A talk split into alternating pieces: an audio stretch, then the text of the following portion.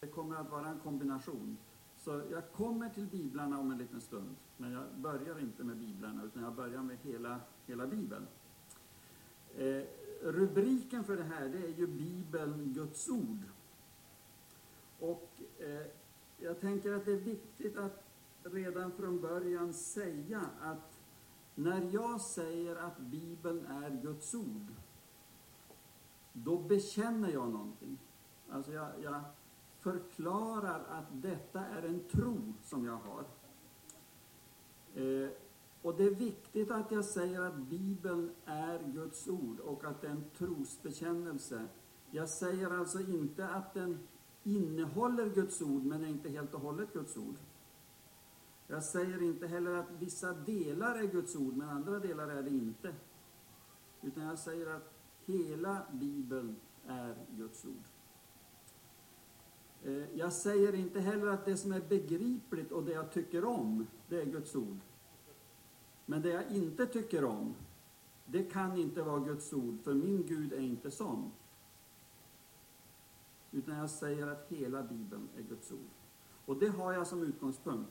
Det har jag som, som bakgrund till det jag ska säga idag. Och det här med att vi säger att Bibeln är Guds ord, det är en av den kristna trons idag kanske mest utmanande trossatser. Det finns några trossatser idag som ifrågasätts mer än andra, också bland kristna. En av dem är att man ifrågasätter att Bibeln är Guds ord. En annan är att man ifrågasätter att Jesus är den enda vägen till frälsning. Det är de två kanske mest utmanande trospunkterna som idag ifrågasätts. För klassisk kristen tro har alltid hävdat Bibeln är Guds ord och Kristus är enda vägen till frälsning. Eh, det finns möjligen ytterligare en punkt och det är att man, man ifrågasätter att det är sant att Jesus dog för våra synder. Det är en stor punkt och den kommer jag inte att säga någonting om idag. Men det ifrågasätts också idag. Eh, så det här är två eller tre punkter som ifrågasätts väldigt mycket. Men jag kommer att koncentrera mig då kring den första punkten, att Bibeln är Guds ord. Och det ska jag göra genom att ta upp eh, sex eller sju punkter. Jag kommer att säga lite grann om det vi kallar för bibelsyn, alltså synen på Bibeln som helhet. Eh, eller annorlunda uttryckt, vad är Bibeln för slags bok?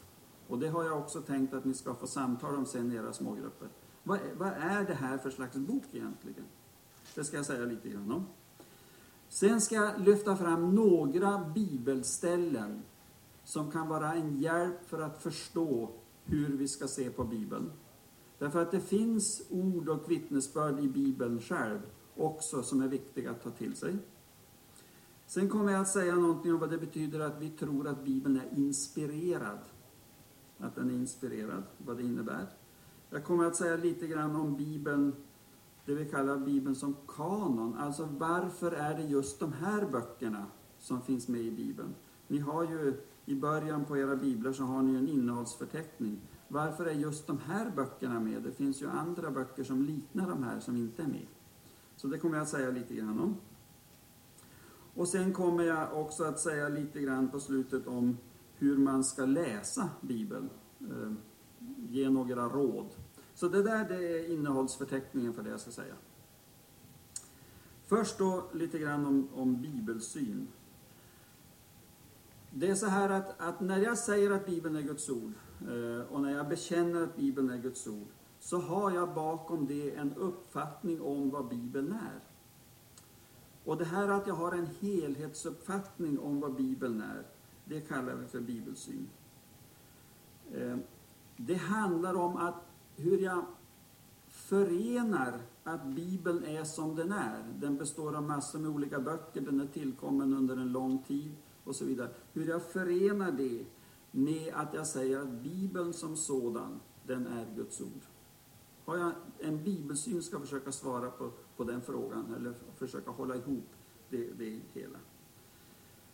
Ehm, och sen ingår också naturligtvis i en bibelsyn att jag ska försöka tolka och förstå Bibeln både i detaljer, i enskildheter, men framförallt Bibeln som helhet. Och låta de olika ställena i Bibeln belysa varandra så att jag kan förstå helheten. Det är en bibelsyn och det är vad en bibelsyn ska göra. Alla har vi något slags bibelsyn, men vi har inte alltid formulerat den.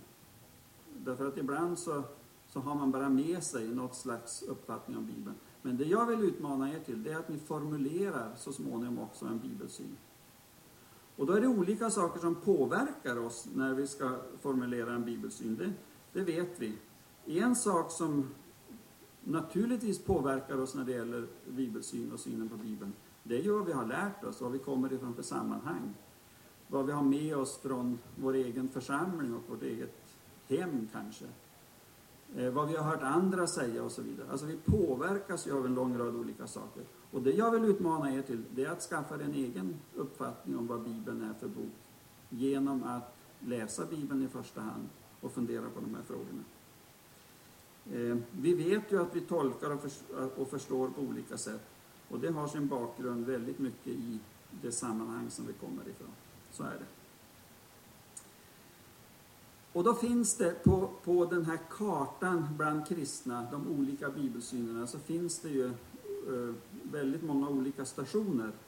En del hävdar att Bibeln till punkt och pricka på varje detalj är riktig. Eh, den är bokstavlig och den ska förstås bokstavligt. Eh, till exempel står det att skapelsen har tillkommit på sju dagar, ja då har den tillkommit på sju vanliga dagar. Det är ingen konstig uppfattning. Det är inte så, men, men det finns ju många andra kristna som tolkar det mer symboliskt, mer, mer bildligt. Det finns de som menar att Bibeln i första hand inte alls är intresserad av historia, utan Bibeln i första hand handlar om hur, hurdana vi människor är och att man läser Bibeln för att förstå sig själv. Och det ligger nog väldigt mycket riktigt i det också. När jag läser Bibeln så kan jag upptäcka saker om mig själv, om jag är nyfiken och uppmärksam, som jag inte har tänkt på förr. Jag kan bli avslöjad. Och det är ett viktigt eh, led i, i Bibeln. Men alla delar av Bibeln har knappast den funktionen. Andra skulle hävda, eh, och där befinner jag mig nu själv, att olika texter i Bibeln, de har olika avsikt. De texter som handlar om historiska företeelser, ja, de har till avsikt att berätta vad som har hänt. De texter som är mer poetiska, Saltaren till exempel, de handlar inte om att berätta saker som har hänt, utan de handlar om att beskriva med ett, med ett poetiskt, ett bildligt språk, sånt som kanske inte alltid är så lätt att beskriva på andra sätt. Alltså det finns en, en symbolisk dimension i det. Eh, och sen finns det då de också bland kristna, som jag var inne på tidigare, som säger att, att Bibeln innehåller det som är gudomligt, men den är inte gudomlig. Det som är utmaningen för oss i det här, det är att hitta en syn på Bibeln som förenar eh, det gudomliga och det mänskliga i Bibeln. Jag ska komma tillbaka till det där. Eh, för Bibeln är ju skriven av människor. Vi har ju inte en uppfattning att Bibeln har kommit ner från himlen färdig, utan den är faktiskt skriven av människor. Vi har till och med namnet på de som har skrivit delar av Bibeln. Så det finns ett väldigt tydligt mänskligt drag. Vi kan läsa olika delar av Bibeln och se att det är skildrat på olika sätt, därför att de som har skrivit skriver på olika sätt. Och som jag var inne på för en stund sedan, en del är poesi, en del är historia, en del är brev. Vi har ju i Nya Testamentet väldigt mycket brev. Och de är olika därför att det är olika som har skrivit dem. Vi har fyra evangelier och de evangelierna är olika därför att det är olika personer som har skrivit. Det som förenar evangelierna, det är inte författaren, utan det är den man skriver om, för alla evangelier handlar om Jesus. Så det, utmaningen är alltså att förena det gudomliga och det mänskliga. En annan sak som också är en utmaning, det är att förena det som är kanske lite svårare att förstå idag, och det är att när de bibliska författarna skrev historia, så predikade de på samma gång. Vi tror ju gärna att det här med historia idag, när man läser en historiebok, att det är liksom objektivt, så här har det gått till. Ehm, och det har, det har det gjort på ett sätt, men all historieskrivning är en avgränsning. Man tar alltså med vissa saker och utelämnar andra saker. Och det gäller också Bibeln. Därför att den är i den meningen historia. Men det man har valt, det har man valt att ha med därför att man har en poäng. Man har ett budskap, man vill framställa någonting. Johannes, när han skriver sitt evangelium, han säger till och med Jesus gjorde väldigt mycket mer. Men det här, det har jag tagit med för att ni ska tro på honom. Så han gör mycket tydligt att han har valt. Han har, han har tagit med några saker.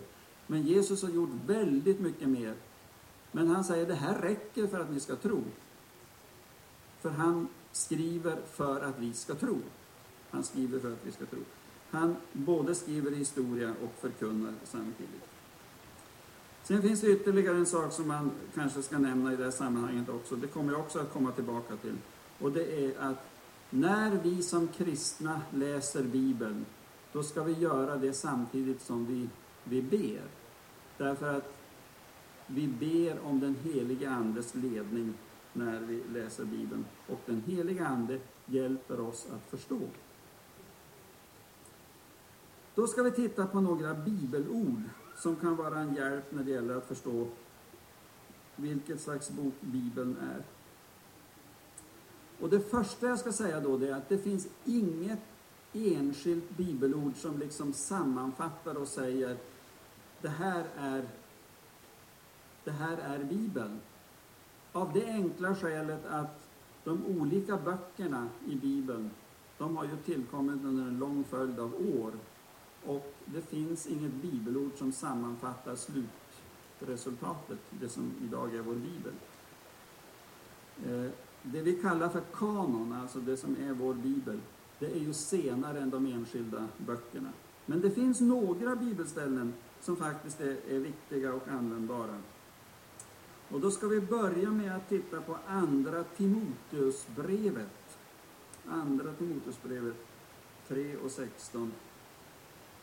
Och det är lätt att komma ihåg därför att många av oss kan Johannes 3 och 16.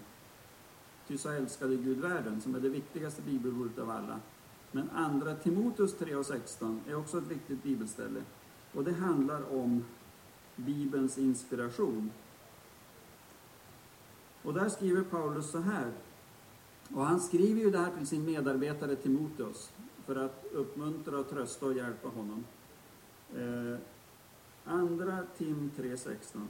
Varje bok i skriften är inspirerad av Gud och till nytta när man undervisar, vederlägger, vägleder och fostrar till ett rättfärdigt liv. Så att den som tillhör Gud blir fri från sina brister och rustad för alla slags goda gärningar. Varje bok i skriften, säger han, är inspirerad. Vad är det för skrift? Jo, det är Gamla testamentet. Det är Gamla testamentet. Ordet skriften här står för Gamla testamentet. Och nu säger Paulus om Gamla testamentet att hela Gamla testamentet, varje bok i Gamla testamentet, är inspirerad av Gud. Och hur visar det sig att den är inspirerad av Gud? Jo, den är nyttig, säger han, när man undervisar, och det vet vi vad det är, när man vederlägger, det vill säga när man samtalar med andra om tron och påpekar vad som är rätt och vad som är fel. När man vägleder, ja det vet vi också vad det är, man under, det är liknande det som är undervisning. Och när man fostrar till ett rättfärdigt liv. Och så säger han också vilken effekt Gamla testamentets ord har. Så att, den bli, så att den som tillhör Gud blir fri från sina brister och rustad för alla slags goda gärningar. Så med det som Paulus säger här så har han både angett att Gamla testamentet som helhet har ett syfte, det är inspirerat av Gud, och det hjälper oss att leva som kristna. Det är faktiskt vad han säger. Det hjälper oss att leva som kristna. Ehm, en annan författare i Nya Testamentet, nämligen Petrus, han skriver så här i Andra Petrusbrevet, det första kapitlet, versen 20.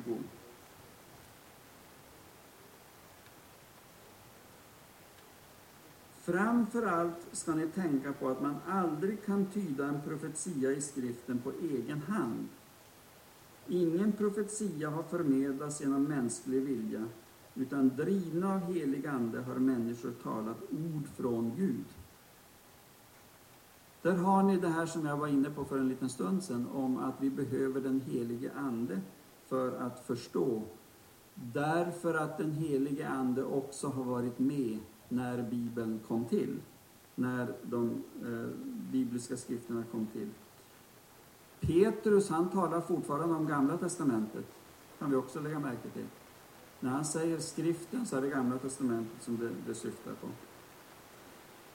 Och eh, det finns ytterligare ett ställe i Nya Testamentet som belyser det här med, med att den helige Ande är med när bibelböckerna kommer till.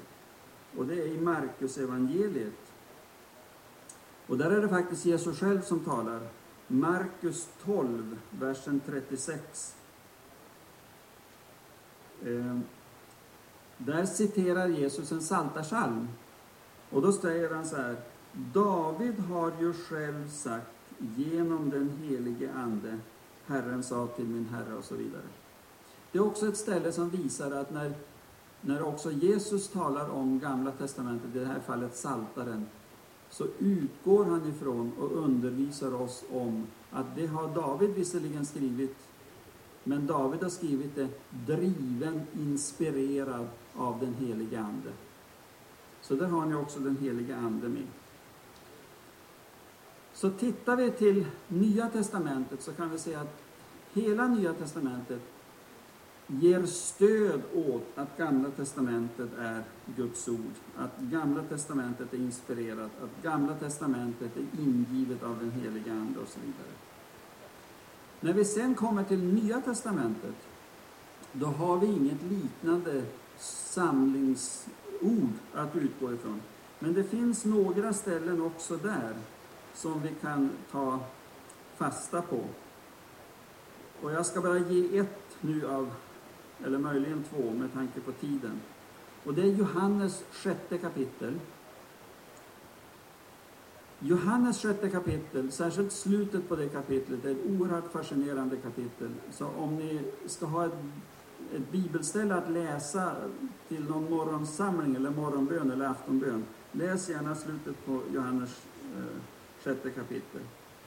Men där säger så här, Jesus här i versen 63. Det är anden som ger liv, köttet är till ingen hjälp. Och så fortsätter han. De ord jag har talat till er är ande och liv. De ord jag har talat till er är ande och liv. Och där bekräftar alltså Jesus att det han själv talar, det han har undervisat, det är ande, det vill säga den helige ande finns med i de orden. Och det är liv, alltså de ger, de förmår att ge liv. Och det visar ju Jesus sen med sina ord. Eh, och det mest eh, drastiska exemplet på det, det är ju när han faktiskt uppväcker döda. Då ger han liv med sina ord. Så det finns en oerhörd kraft, en oerhörd makt i Jesu ord.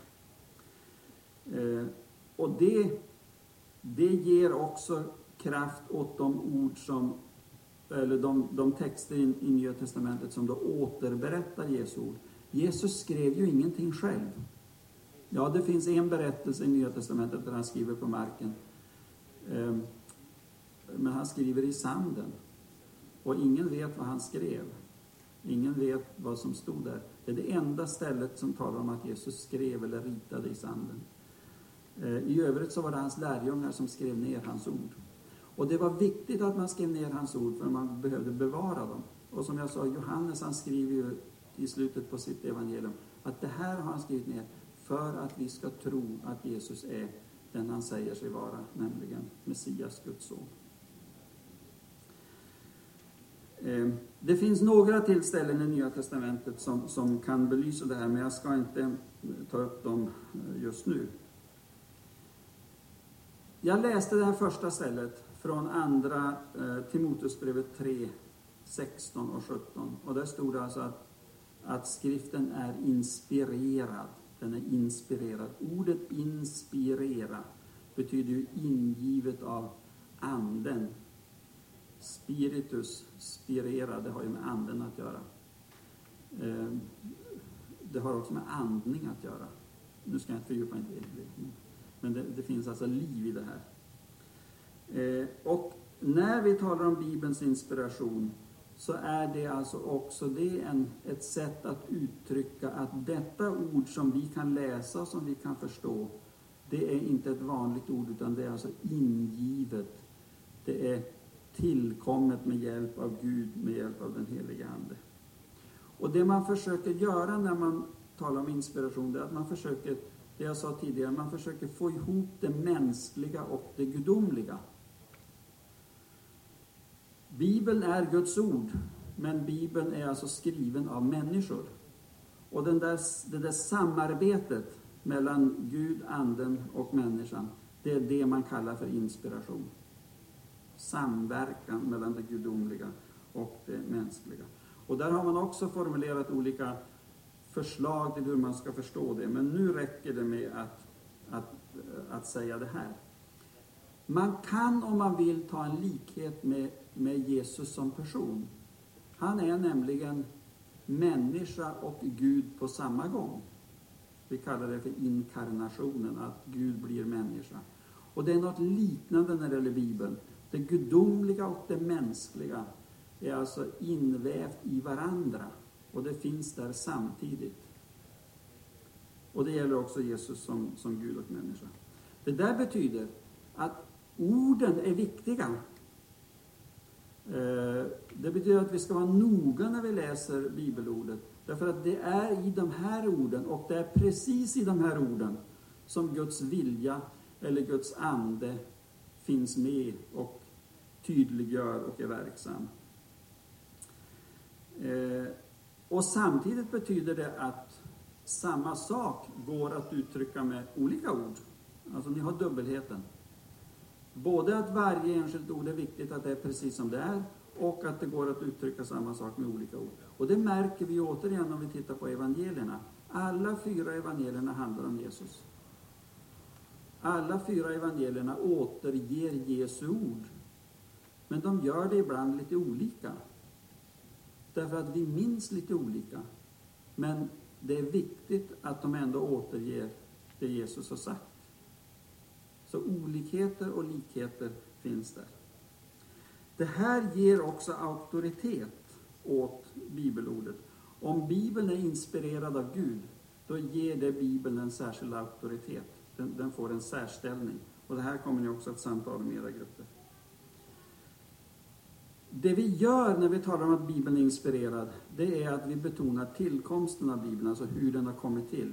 Men det finns också den andra sidan, och det har jag också varit inne på redan. På samma sätt, eller på liknande sätt som Anden är verksam när bibelordet kommer till, så behöver vi Guds ande för att förstå när vi läser.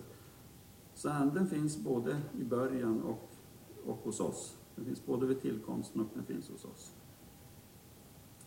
Men sen är det då frågan, varför är det just de här böckerna som ingår i Bibeln? Varför är det inte andra böcker också? Och det är ju någonting som den kristna kyrkan har eh, varit väl medveten om och där olika kristna traditioner har valt lite olika, ska vi också säga. Eh, och det finns en skillnad när det gäller Gamla och Nya Testamentet. Därför att när det gäller Gamla Testamentet så är det i princip så att den delen av Bibeln, den har egentligen de judiska, den judiska gemenskapen redan bestämt. Så där har vi tagit över. Där har vi bara lånat över eh, Gamla Testamentet. Men de gammaltestamentliga, eller de judiska lärde, de hade vissa mycket bestämda regler för vad som skulle vara med. Det skulle vara inspirerat, profetiskt inspirerat, sa man. Det skulle vara skrivet på hebreiska eller arameiska, inte på grekiska. Och det skulle också vara renlärigt, det skulle ha rätt lära. Eh, och vi ärver alltså från judarna, så ärver vi Gamla Testamentet. Eh, när det gäller eh, Nya Testamentet så är det på, på liknande sätt, men där ärver vi inte, utan där var det så här att eh, ungefär på 200-talet efter Kristus, när de första vittnena, de första apostlarna, de var döda och deras lärjungar var döda eller på väg att dö. Då kom det nya grupper som ville föra in eh, eh skrifter eh, i, i kyrkan. Och då sa man så här, för att bevara arvet från Jesus och hans lärjungar rent, så behöver vi bestämma vilka skrifter som ska få vara med och vilka som inte ska få vara med. Ehm, och då hade man också där tre stycken regler eller kriterier. De, skulle, de skrifter som skulle vara med skulle vara apostoliska, alltså de skulle ha tillkommit skrivna av apostlar till Jesus eller av lärjungar till apostlarna, men inte yngre. Alltså det var bara de två första generationerna som fick vara med. Det andra, den andra regeln man hade, det var att det skulle vara skrifter som var använda i hela kyrkan.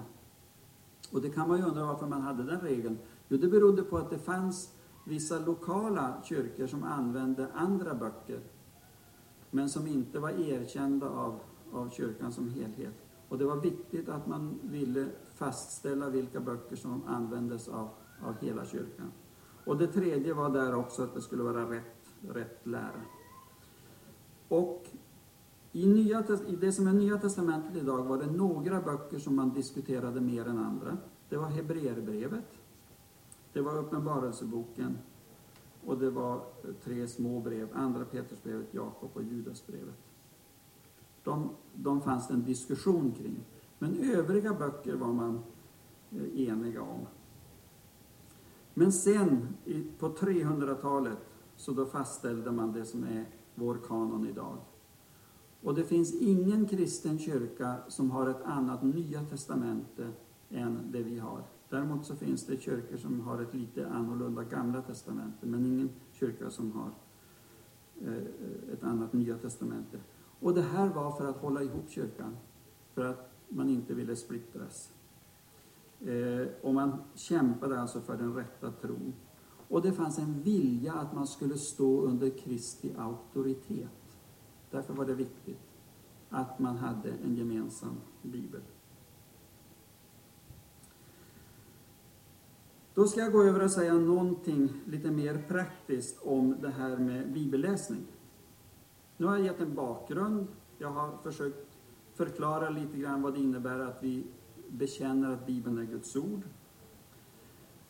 Och nu ska jag säga något om bibelläsning, därför att det är nämligen så här att det finns en risk för oss i den kristna kyrkan, eller oss som kallar oss kristna, att vi säger att Bibeln är viktig, men sen bryr vi oss inte om den.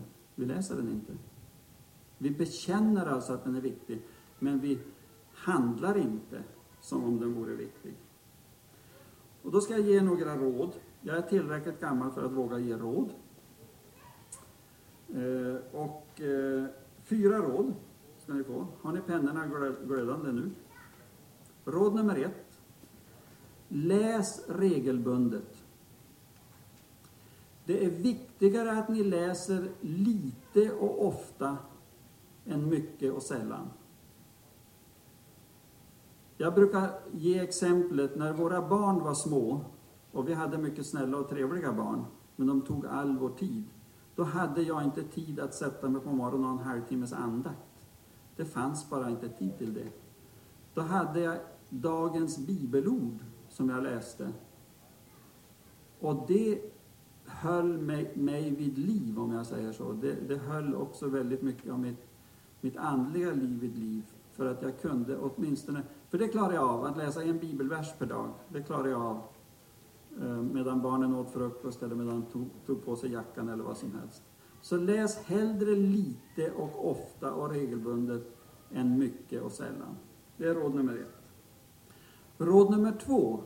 det är läs med förväntan.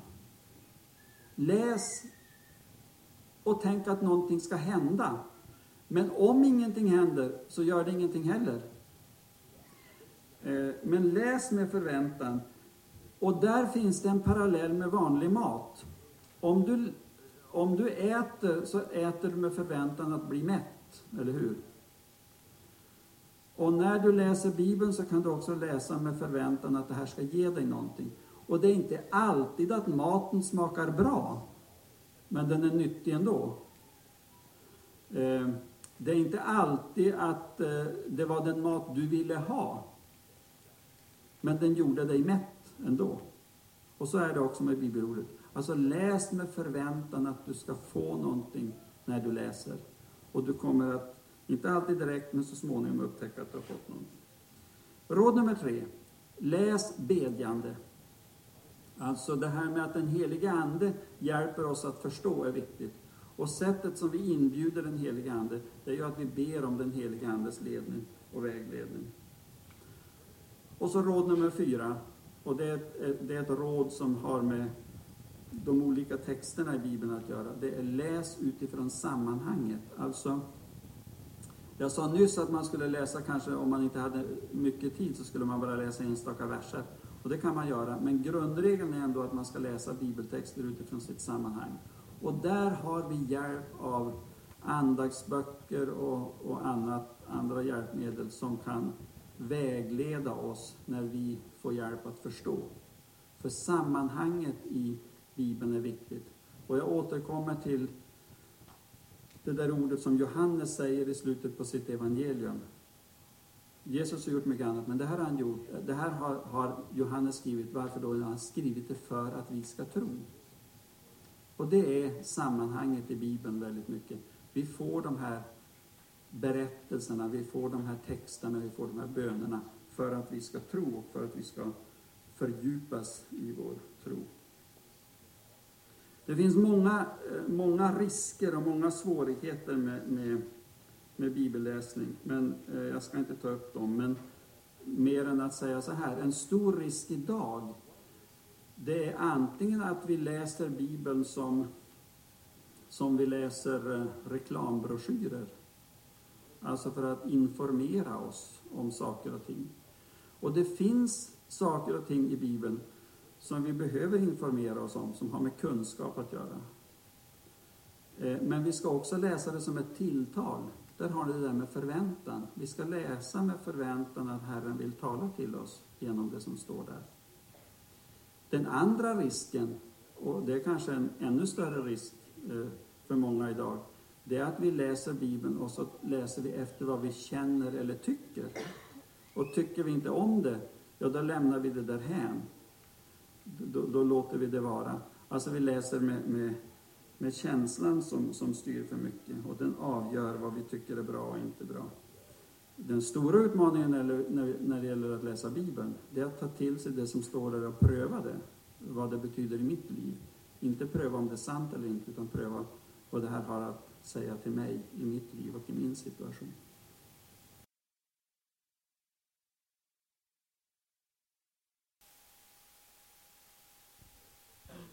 Vad det låter. Välkomna tillbaka. Eh, Lina behövde ta hand om sin dotter lite grann, som tyckte kan inte jag leda lite grann den här frågestunden. Så sa det kan jag absolut. Det är min pappa som har talat förut. Eh, om ni inte visste det. Så, så, så blev det nu. Far och son. Men jag ska inte prata så mycket, utan eh, jag tänkte mer bara, har ni frågor så skjut. Så ska vi grilla. Loe, som han kallas.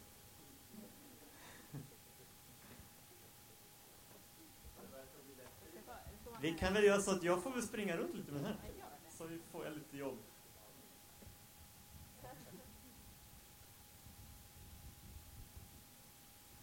Ja, tack så mycket Loe. Glad att du står här. Jag sa nu, nu kan ni säga vad ni vill till honom. Han är så klok man, så passa på. Eh, en av frågorna är från grupp 8 som eh, kom upp. Som jag skrev ner, nu vet jag inte det. Får rätta mig om det har varit felformulerat så. Men eh, du sa att man kan eh, läsa lite olika, till exempel när man läser första Moseboken så tänker vissa att liksom, ja, men det var sju dagar, bokstavligt. Och andra tänker att det, det är lite mer symboliskt. Och då ställs den här intressanta frågan, men om man nu ska läsa Bibeln, hur ska man då veta om man ska läsa det symboliskt eller bokstavligt? Det borde, eller lite här, kan det vara rätt både och? Och då ställer jag en följdfråga till dig. ja, när Jesus gick på vattnet, var det symboliskt eller var det bokstavligt? Och så. Så lite grann, hur ska man veta då vad som är symboliskt och vad som är bokstavligt?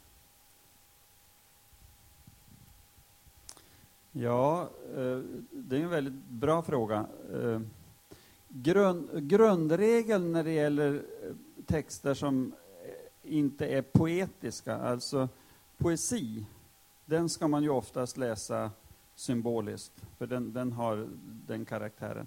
Men grundregeln när det gäller andra texter är att man alltid börjar och frågar efter en bokstavlig läsning och förståelse. Så det, det, är det första man ska göra. Eh, sen brukar det oftast vara så att det framgår av texterna på ett eller annat sätt om de ska läsas bokstavligt eller, eller symboliskt. Men man börjar alltid med det bokstavliga. Det är liksom utgångsbudet. Ja, det kan framgå på lite olika sätt eh, hur, hur, hur man ska läsa dem. Ehm, det kan framgå, ja, alltså det handlar om textens karaktär. Det här är ju lite besvärligt, men, men det handlar om, om textens karaktär. Och är man osäker, då är ju det bästa att man, man eh, rådfrågar eller man tittar i andra, andra mm, böcker som kommenterar de här texterna. Det här är ett lite vagt svar, men det är alltså så man får jobba. Ni minns att det sista rådet jag gav när det gäller bibelläsning, det var att man skulle läsa sammanhanget. Eh, eller läsa i sitt sammanhang. Och det är just för att komma åt den här typen av saker. Det är för att se på vilket sätt som det är beskrivet. Men om symboliskt, då brukar det till exempel oftast finnas med det lilla ordet som, alltså det, det, det görs jämförelser. Och när det gäller första Mosebok 1, alltså skapelsen, då är den lite klurig den berättelsen. Alltså det går att argumentera för att den ska läsas bokstavligt och det går att argumentera för att den ska läsas eh, symboliskt. Så att det, där kan man nog välja. I det fallet kan man nog läsa på båda sätten. Det är inte heller konstigt egentligen.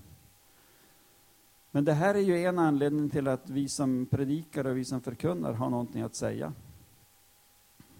Eh, därför att vi behöver ju hjälpa oss själva och andra med att tolka de här texterna. Och det är, det är vårt yrke och det är vårt jobb att göra det. Fler frågor? Hade ni fler frågor? Ja? Det är intressant, när vi fortsatte att samtala, det kan vi säga till alla, att eh, vi kom fram till att när Jesus går på vattnet, det tror vi, trodde vi alla att det gjorde han. Men att det också kan vara, finnas i mycket av det där, han vill också säga något mer med det, alltså något symboliskt, men det är inte bara symboliskt.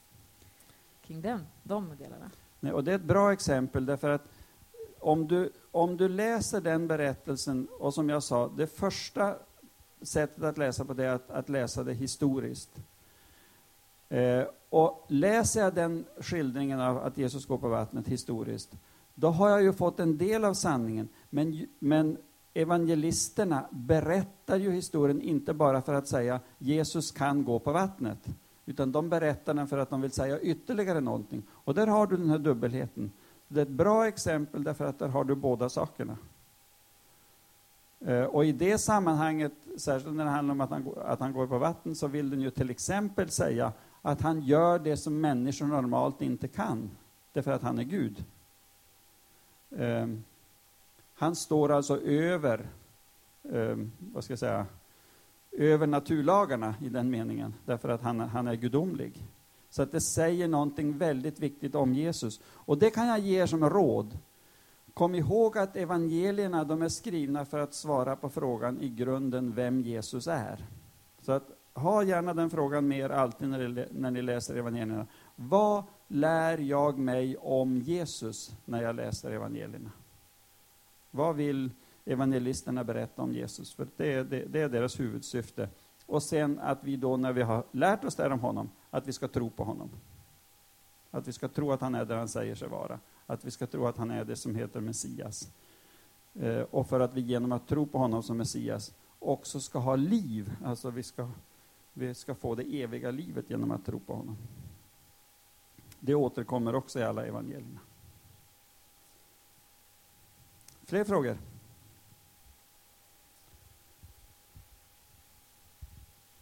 Ja, I eh, vår grupp så kom det upp en fråga. Vad ska man göra när man inte förstår det man läser? När man läser om och om igen och fattar ingenting. Kan det vara så ibland? um, om man inte förstår, eh, ja det ska man inte sluta upp att läsa om man inte förstår. Eh, det, finns en, det finns en grundregel i, i eh, dels beror det på vad du menar med att förstå. Men det finns en grundregel hur som helst när det gäller Bibeln, att man fortsätter att läsa även om man inte förstår. Och då kan två saker hända åtminstone. Det ena det är att man, när man helt plötsligt, när man kanske flera år senare läser samma ställe, då går det helt plötsligt upp ett ljus för en. För då har man samlat kunskap och erfarenhet och man har lärt sig saker och man har, har hållit på med annat och då kan man förstå det. Det finns alltså bibelställen, jag har, jag har läst Bibeln i ungefär 50 år, regelbundet. Och det finns bibelställen som jag fortfarande inte riktigt förstår. Men jag fortsätter att läsa dem, för jag tänker en dag ska väl poletten ramla ner.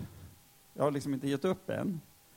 Eh, och det, det fungerar ofta så. Det andra det är ju att man går och frågar någon som har läst mer, eller man läser en bok eller vad som helst för att få lära sig mer.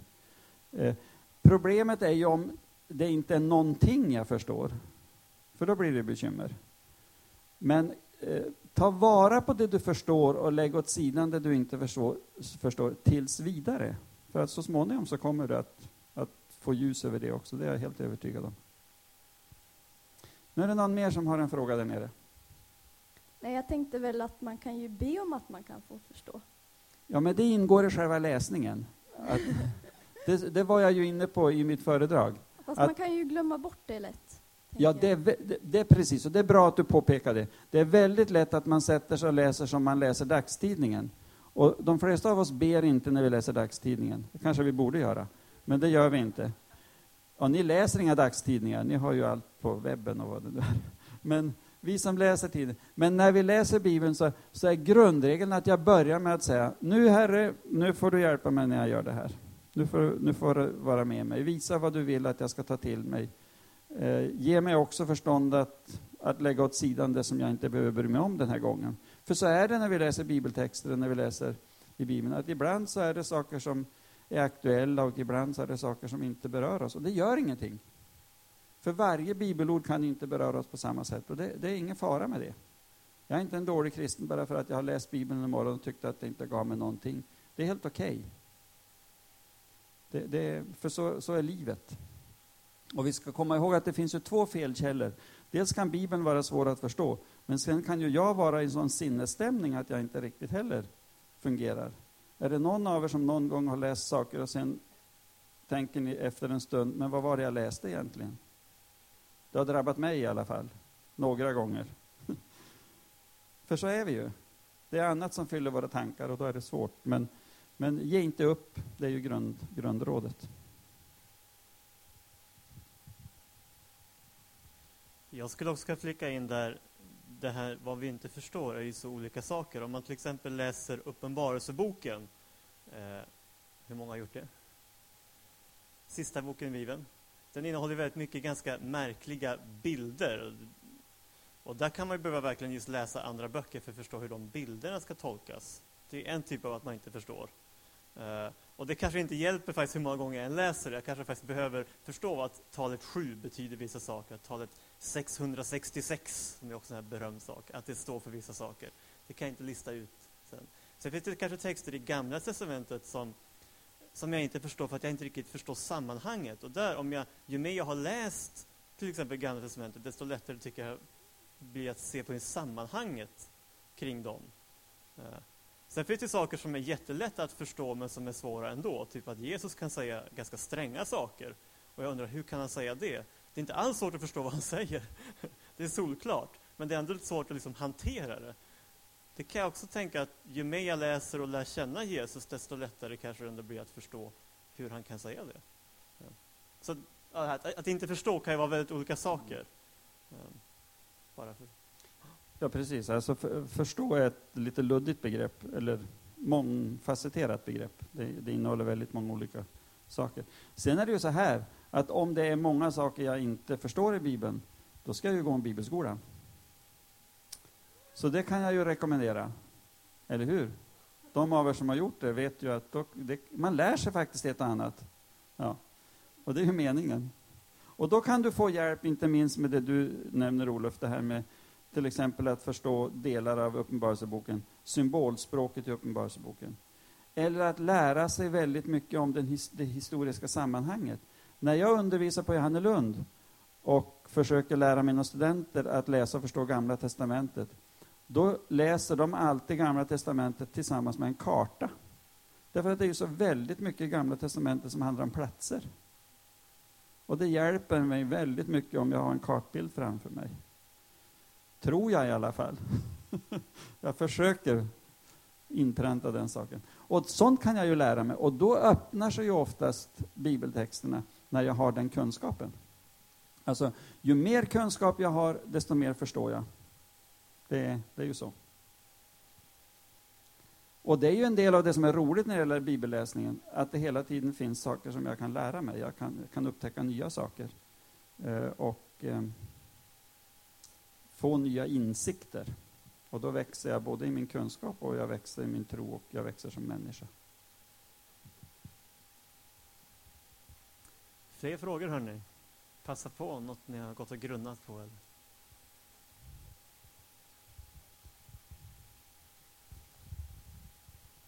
Om man har svårt att lita på Gud, hur kan Bibeln hjälpa en då? Om man har svårt att lita på Gud? Eh, det, det, jag tror att Bibeln kan eh, hjälpa mig med tillsammans med det andra kristna människor kan hjälpa mig med, det är att just ge berättelser om hur Gud har varit trofast och hur Gud har hjälpt och hur Gud har styrkt.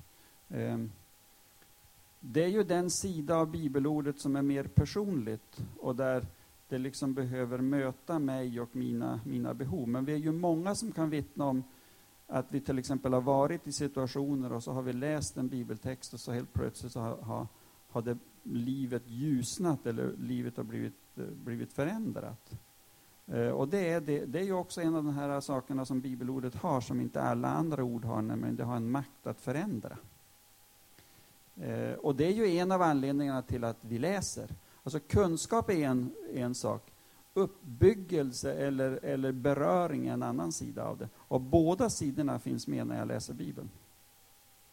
Um, och båda sidorna ska finnas med när jag läser Bibeln, tänker jag mig. Du hade en fråga där borta, Olof.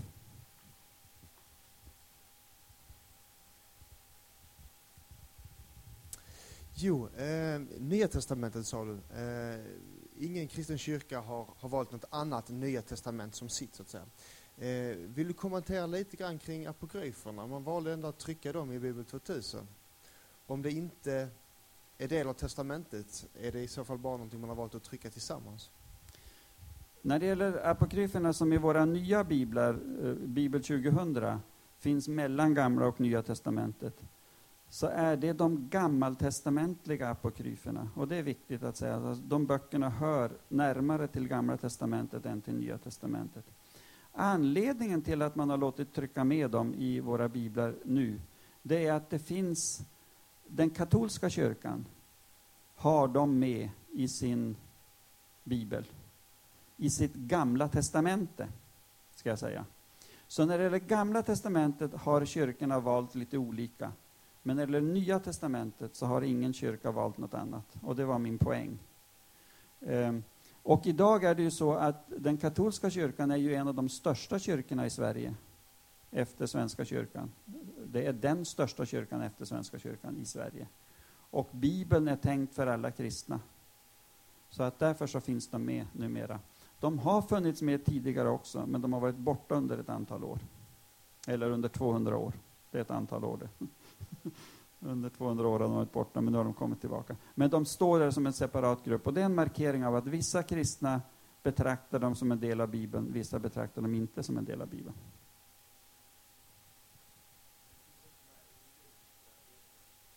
Det finns inte med i den hebreiska, alltså i den judiska. Judarna har inte med apokryferna. Och vi i den lutherska familjen, vi har följt judisk syn på Gamla Testamentet när det gäller vilka böcker som ska vara med. Medan eh, katolska kyrkan valde att ta med dem därför att de fanns i den grekiska översättningen av Gamla Testamentet, som i och för sig också var en judisk översättning, men som inte var allmänt accepterad inom judendomen. Det där kan man lära sig mer om om man går Johannelund.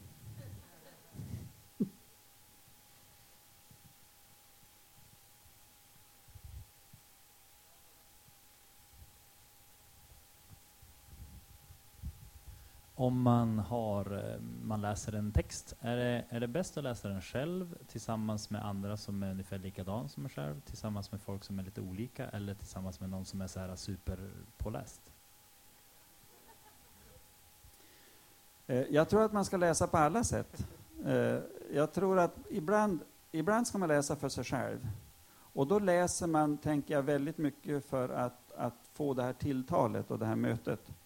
Ibland är det en väldig fördel att läsa tillsammans med andra. Därför att, och det kanske ni har upptäckt redan nu, men när man har en, en grupp människor som läser, då är det så att olika ögon ser olika saker och olika öron hör olika saker. Alltså man tar fasta på olika saker. Och jag har lärt mig väldigt mycket av att läsa Bibeln tillsammans med andra. Själv. Sen har vi det där med experterna. Och experter de kan vara på två sätt. Experter kan antingen vara så att de de är så duktiga så alla andra blir tysta. Och det är inga bra experter. En del experter är så att de hjälper mig att tänka själv och att utveckla mitt eget kunnande. Och de experterna, de ska man ta hjälp av. Men tyvärr är det så att ibland fungerar experter så att de gör de andra tysta för man blir så blyg, man vågar inte säga någonting. Eh, och det, därför så ska man kanske hellre gå och fråga en expert än att sätta in en expert i gruppen. Så tänker jag i alla fall. Sen beror det ju på hur experten uppträder. Man kan ju behöva näpsa dem också.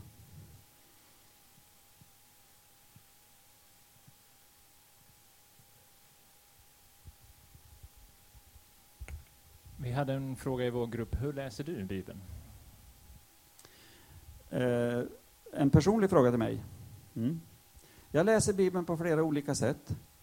På morgonen läser jag Bibeln bara för att det är roligt. Eh, och där har jag upptäckt en väldigt viktig, alltså jag är så gammal så jag läser dagstidning. Eh, och där har jag upptäckt att jag, jag måste läsa Bibeln innan jag läser dagstidningen. För annars hinner jag inte läsa Bibeln. Visst är det märkligt? Utan då blir det så att då tar dagstidningen. Så att det första jag gör på morgonen när jag sätter mig vid frukostbordet, det är att jag läser ett avsnitt ur Bibeln. Och jag läser kontinuerligt eh, nytestamentliga böcker. Och sen brukar jag göra så att varje termin väljer jag ut en bibelbok. Så att nu i höst ska jag läsa första Korintierbrevet och då läser jag det om och om och om och om igen hela hösten. Eh, därför att jag vill liksom få in bibelordet i, i mitt huvud och i, mitt, i min kropp. Och det där har jag gjort också när jag har skrivit bibelkommentarer, då har jag, eller när jag har jobbat med bibelkommentarer på annat sätt. Jag har läst bibeltexterna som jag ska kommentera med så att de har blivit, jag har liksom fått en allmän uppfattning. Så, så det är det ena sättet jag läser Bibeln på. Det andra sättet jag läser Bibeln på, det är en del av mitt arbete när jag eh, som forskare och som lärare läser Bibeln för att bli lite bättre på bibelkunskap än mina studenter. Eh, och då är det kunskapen jag är ute efter. Alltså att lära mig exakt vad som står. Jag är nämligen jättedålig på bibelställen. Jag, jag kan liksom inte hänvisa till... Om någon säger första kor 3 och 18, jag har ingen aning. Det, jag kan inte det. Jag har ju vissa studenter som är jättebibelsprängda och det är så roligt och de utmanar mig. Det enda jag brukar göra det är att jag brukar retas med dem och hänvisa till Markus 24 kapitel. Eh, och då är det alltid någon som kommer fram efteråt och sa, visst sa du fel? Alltså Markus har inte 24 kapitel. Det finns bara 16 kapitel. Och det gör jag bara för att retas med dem. Men det är en annan sak. Det tredje sättet som jag läser Bibeln på, det är att jag läser den när jag förbereder mina predikningar.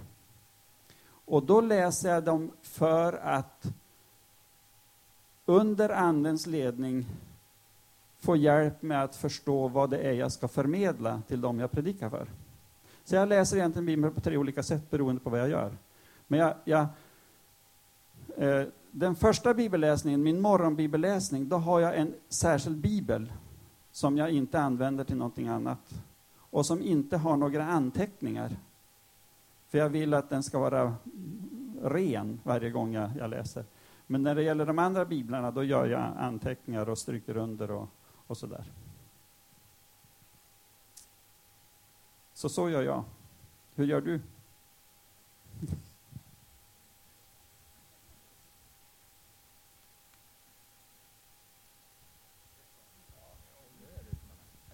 Du fick ju en utmaning. Ja, ja, jag fick en utmaning. Det, jag ingår ju också i den skaran att jag ska predika ibland. Så det är ett av mina bibelsätt, att läsa för förberedelse. Ett annat är nog, eh, jag är ju småbarnsförälder just nu.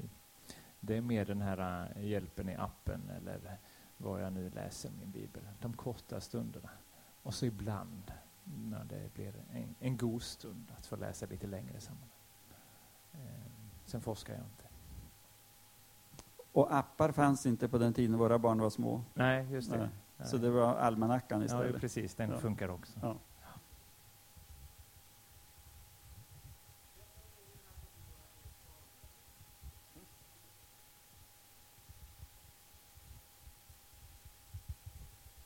Och då undrar eh, Maddy, eh, vad, vad ska vi tänka om folk som eh, tror att jorden eh, kom till helt av sig själv? Hur kan vi övertyga dem om att Gud har skapat universum och att Gud existerar? Jag har en sån vän.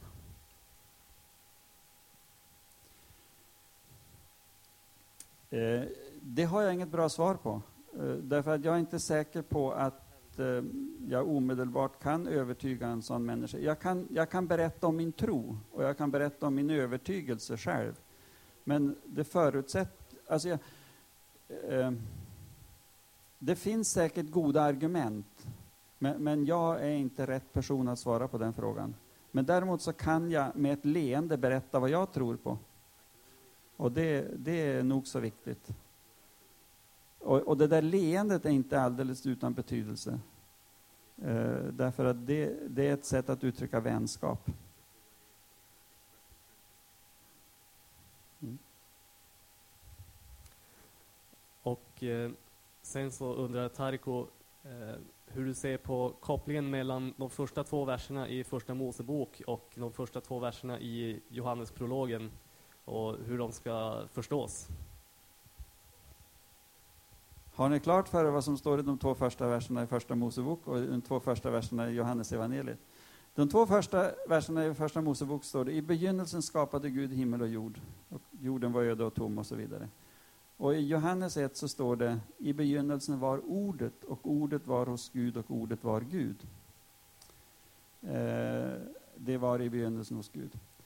Eh, sambandet är mycket tydligt. Alltså att när Johannes, när Johannes skriver sitt evangelium och berättar om Jesus, så använder han en lång rad olika namn på Jesus. Och det första namnet han använder på Jesus, det är namnet Ordet. Eh, och ordet, eh, både formuleringen i begynnelsen var ordet och ordet som sådan, det går tillbaka till skapelseberättelsen i Första Moseboken, där Gud skapar med hjälp av att säga, alltså med hjälp av ord. Och det Johannes säger, det är att det ord som Första Moseboken talar om, det ordet har nu blivit ett synligt ord, det har blivit en människa, och det är Jesus Kristus. Så det, det, är ett mycket tydligt samband mellan de, de två eh, ställena. Det är, det är, en enkel mm, förklaring. Det går att säga mycket, mycket mer om det. Det finns avhandlingar om det där. Men, men det är den enkla, enkla förklaringen. Så det är ett mycket, mycket tydligt samband. Och det ligger, det ligger ju i det också ett anspråk. När Johannes skriver att Jesus var med i, i eh, skapelsen, att ordet var i begynnelsen och ordet var hos Gud och ordet var Gud, då säger han att Jesus fanns med när världen skapades eh, på något sätt.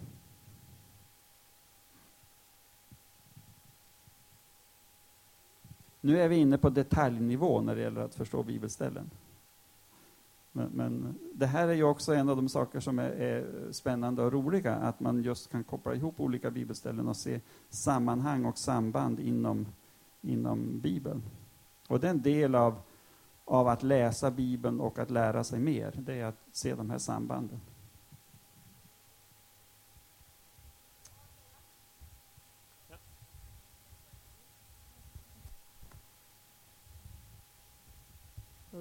Okej, eh, jag har en personlig fråga till dig. Och jag tycker att alla kan ställa sig den här inne, för jag tycker det är en jättebra fråga. Såklart, det var jag som kom på den. Eh, men i alla fall, först och främst, tror du på att Adam och Eva var de första människorna? Eh, på, på något sätt, liksom, att det ska stämma? Och att början på Bibeln är den som stämmer? Vad menar du med den senare frågan? Alltså, Eh, alltså att, att hur de förklarar att jorden skapades och det som hände direkt efter jorden skapades, tror du att det var så det gick till? mm, jag, jag försöker förstå vad du säger. Om, det gäller, om det gäller Adam och Eva först och främst. Eh, ja, jag tror faktiskt att människosläktet börjar med två individer. Eh, och det intressanta är att det finns en paleontolog. En paleontolog, det är en som, som jobbar med mycket, mycket gamla fynd och försöker förstå. Det är sådana som håller på med dinosaurier och liknande. Och det här är en, genet, en paleontolog som jobbar med genetik. Alltså han jobbar med människor... Ja, det stod i PT för typ två dagar sedan. Okej, okay. ja men då vet ni allt om det här, ni som läser PT. Hur som helst, denne paleontolog, han heter Svante Pääbo. Han hävdar att vi kan vetenskapligt hävda att människan går tillbaka till två individer. Och det är väldigt intressant. Alltså han menar att man på naturvetenskaplig grund kan fastställa det. Ehm, han är verksam i Tyskland, den här mannen, men han är svensk. Ehm, och i så fall, min tro är att människosläktet utgår från två individer. Då skulle i det här fallet det stämma med också vad dagens vetenskap möjligen håller på med. När det sen gäller den andra delen av frågan, om det är så det har gått till, då, då är det lite svårare att säga omedelbart ja. Jag tror att det finns en skapelse, alltså jag tror att det finns en början, om vi kallar det Big Bang eller vad vi kallar det, det spelar inte så stor roll. Eh, det får vetenskapsmännen sköta, jag kan inte det.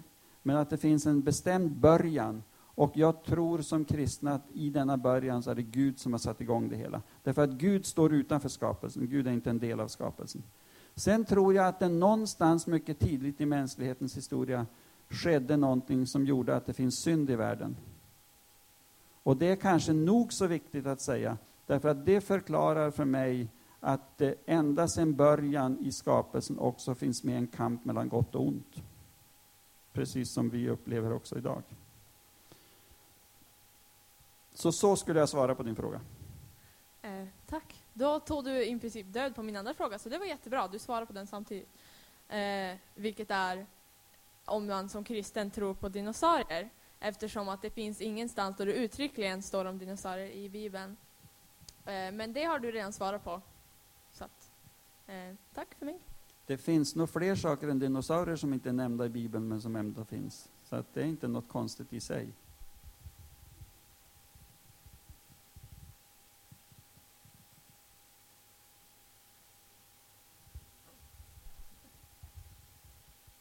Här sitter jag. Eh, min tanke är alltså på grund av att Adam och Eva är då tanken att de är de första människorna på jorden. Borde inte alla människor vara inavel då? Den där frågan är väldigt, väldigt gammal. Därför att eh, ganska snart om du läser i Gamla Testamentet så upptäcker du att det, det dyker upp en person som man inte hört talas om överhuvudtaget. Hon bara finns där, nämligen Kain som tar sig en hustru. Och varifrån kommer hon?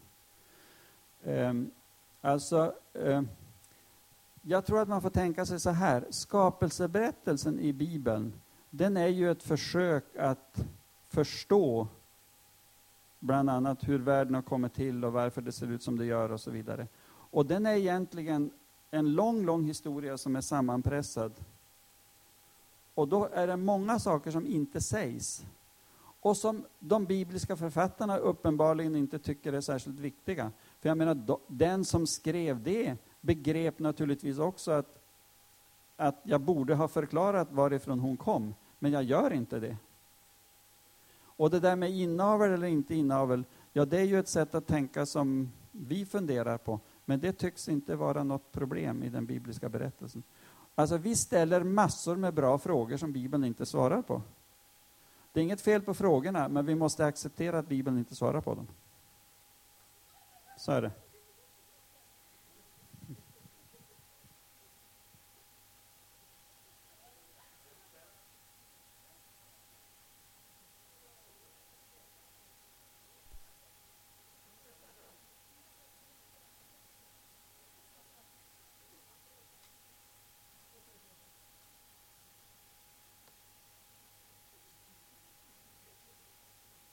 Det var inte bara myggan som dog, det var något annat som dog också.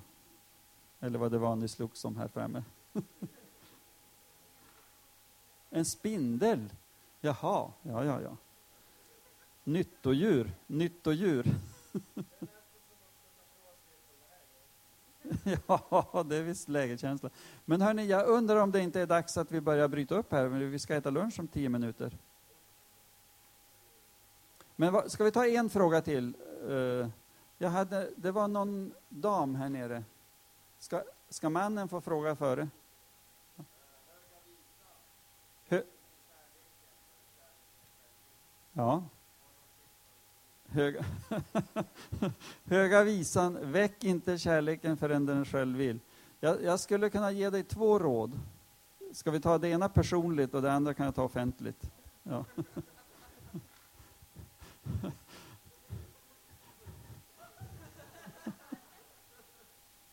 Det är, mycket, det är ett mycket klokt råd. Det är ett mycket klokt råd och det är, ett- det är ett råd som bygger på erfarenhet. Um, vi uttrycker det så här uh, ibland på engelska. It takes two to, ta- to tango. Alltså det, man måste vara två för att det ska uppstå uh, ljuva känslor och ljuva, uh, ljuv musik, heter det på svenska. Ljuv musik. Och jag tror att det egentligen är det det handlar om. Sen finns det en djupare innebörd i det där, som den kristna kyrkan alltid har tolkat det. Och det är att eh, när det talas om kärlek i Höga Visan så handlar det om relationen mellan Gud och människa. Eh, och Guds kärlek till oss, den är uppenbar, eller han har uttryckt den. Och han vill locka oss till att också vi ska svara på den kärleken. Och där är det så att olika människor i olika tider har haft lättare eller svårare att svara på det. Och det är en utmaning för oss att, att komma rätt i tid. Och där tänker jag en, en sak som till exempel ett sånt här läger kan vara, det kan vara att jag upptäcker denna Guds kärlek till mig och jag upptäcker att jag faktiskt vill svara ja. Så, så, så skulle jag vilja, vilja knyta an till din fråga genom att säga så. Men jag föreslår att vi stannar där.